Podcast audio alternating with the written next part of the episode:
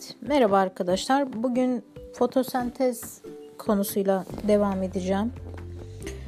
Öncelikle fotosentez nedir? Bundan bahsetmek istiyorum sizlere.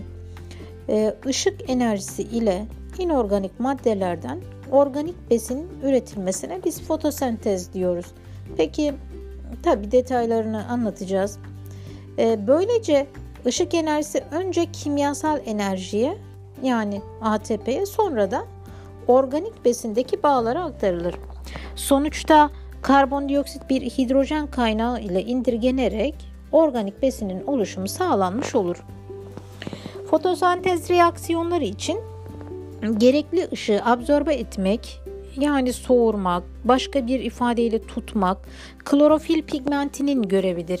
Klorof, e, klorofilin e, yapısında tabi karbon, hidrojen, azot, magnezyum e, ve yapısal olarak 4 halka ve bir kuyruktan oluşan organik bir bileşiktir. Kloroplastlarda klorofilin bulunduğu üst üste dizilmiş disk şeklindeki yapılara grana adı verilir. Enzimlerin bulunduğu sıvı kısma da stroma denir. Granaları çevreleyen zarlara da tilakoid zar adı verilir. Peki e, fotosentez tepkimeleri iki e, basamaktan oluşur. E, Tabi e, biz bu birinci basamaktaki tepkimeler için mutlaka ışık gereklidir. Tabi güneş ışığı olmadan bunlar başlamıyor. E, fotosentez reaksiyonlarını başlatamıyor e, canlı. E, şimdi o yüzden de bu birinci evreye ışığa bağımlı tepkimeler adını veriyoruz. Diğer ismiyle de ışıklı evrede diyebiliriz. İkinci basamaktaki tepkimelerde doğrudan ışık gerekli olmadığı için bu basamakta ışıktan bağımsız tepkimeler e, ya da başka bir ismiyle karbon tutma evresi diyebiliriz ya da Calvin döngüsü olarak adlandırılır. Işığa bağımlı tepkimeler kloroplastın grana denilen bölümünde, ışıktan bağımsız tepkimeler ise kloroplastın stroma denilen bölümünde gerçekleşir. Peki ışığa bağımlı tepkimeler yani fotosentezin birinci evresinde neler oluyor? Ee, bahsedelim. Işığa bağımlı tepkimeler kloroplastın tilakoid zarlarında gerçekleşiyor. Tilakoid zardaki ışık toplayan e, fotosistemler e, ya da ele, e, elektron taşıma sistemleriyle birbirlerine bağlanmışlar. Elektron taşıma e, sistemleri elektronları yakalama ve başka bir moleküle aktarma yeteneğine sahip bir dizi molekülden oluşurlar. Evet, enerji kazanarak klorofilden ayrılan elektronlar ETS'de bir molekülden diğerine aktarılarak taşınırlar. Ne oldu? Güneş ışığının da etkisiyle e, klorofilden kopan elektron ETS'ye aktarılır. E, kısaca özetlersek e, burada aktardıklarımı elektron alan moleküller indirgenir. Elektron verenler ise yükseltgenirler. Yani kavram olarak kavram olarak elektron veren moleküllere yükseltgenme e, ifadesini kullanırız. Işığa bağımlı reaksiyonlarda klorofiller, enzimler ve ETS molekülleri rol oynarlar. Peki ışıktan bağımsız reaksiyonlara bir göz atarsak orada neler gerçekleşiyor? Ee, burada işte esas organik e, besinlerin oluşma aşaması burada yani ikinci evre dediğimiz ışıktan bağımsız reaksiyonlarda gerçekleşir. Işıktan bağımsız tepkimeler karbon tutma evresi diyebiliriz demiştik.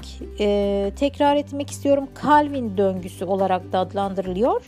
Bu evre kloroplastın stroma denilen sıvı kısmında birçok enzimin kullanılmasıyla gerçekleşir. Işıktan bağımsız tepkimelerde Amaç karbondioksit tutarak organik besin üretilmesidir. Bunun için bu evrede ışığa bağımlı tepkimelerden gelen ATP ve NADPH e, molekülleri harcanır. Yani aslında güneş ışığına direkt ihtiyaç duymasa da bu e, ışığa bağımlı tepkimelerde elde edilen ATP ve NADPH'ı kullanarak besin üretimini gerçekleştirecektir. Işıktan bağımsız tepkimelerde bir molekül glikoz üretilebilmesi için 6 tane karbondioksit, 12 NADPH ve 18 ATP gereklidir. Peki bu fotosentezin son ürünleri nelerdir? Biraz da bunlara değinmek istiyorum. Fotosentez tepkimelerinde çeşitli ara basamaklardan ayrılan alternatif yollarla çok çeşitli organik besinlerin sentezlenmesi gerçekleşir. Bunlardan bahsedelim. Fotosentezin ışığa, ışıktan bağımsız tepkimelerinde oluşan 3 karbonlu bir molekül var. Bu fosfogliseraldehit PGAL şeklinde ifade ediyoruz. Ee, ve bundan çeşitli amino asitler, organik bazlar, vitaminler, yağ asitleri e, ve gliserol, altı karbonlu glikozdan maltoz, sükroz, e, nişasta, selüloz gibi çeşitli disakkarit ve polisakkaritler sentezlenir. E, dikkat ederseniz hepsinin aslında ana kaynağı fosfogliseraldehit. 3 karbonu fosfogliseraldehitten e, bunlar sentezlenmiş oluyor. Ancak fotosentez tepkimeleriyle bu besinlerin bazılarının sentezi sırasında topraktan azot tuzlarının da alınmasına ihtiyaç duyulur. Bu azot tuzlarına ihtiyaç duyulan besinler vitaminler, azotlu organik bazlar ve amino asitlerdir.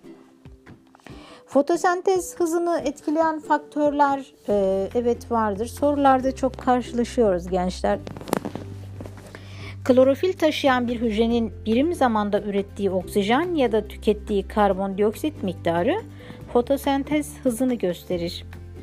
Fotosentez hızını etkileyen faktörler çevresel yani dış e, faktörler olabilir ya da genetik e, faktörler de olabilir. Işık, karbondioksit, su, mineraller, sıcaklık gibi faktörler fotosentez hızına etkide etki eden çevresel faktörler iken kloroplastın miktarı, yaprak ayasının büyüklüğü, yaprak sayısı ya da klorofil miktarı fotosentez hızını etkileyen kalıtsal faktörler arasında sayılır gençler. Fotosentez hızı canlının gelişimi için gereksinim duyduğu ancak ortamda en az yani en olumsuz miktarda bulunan faktör tarafından kısıtlanır. Biz buna minimum kralı adını veririz.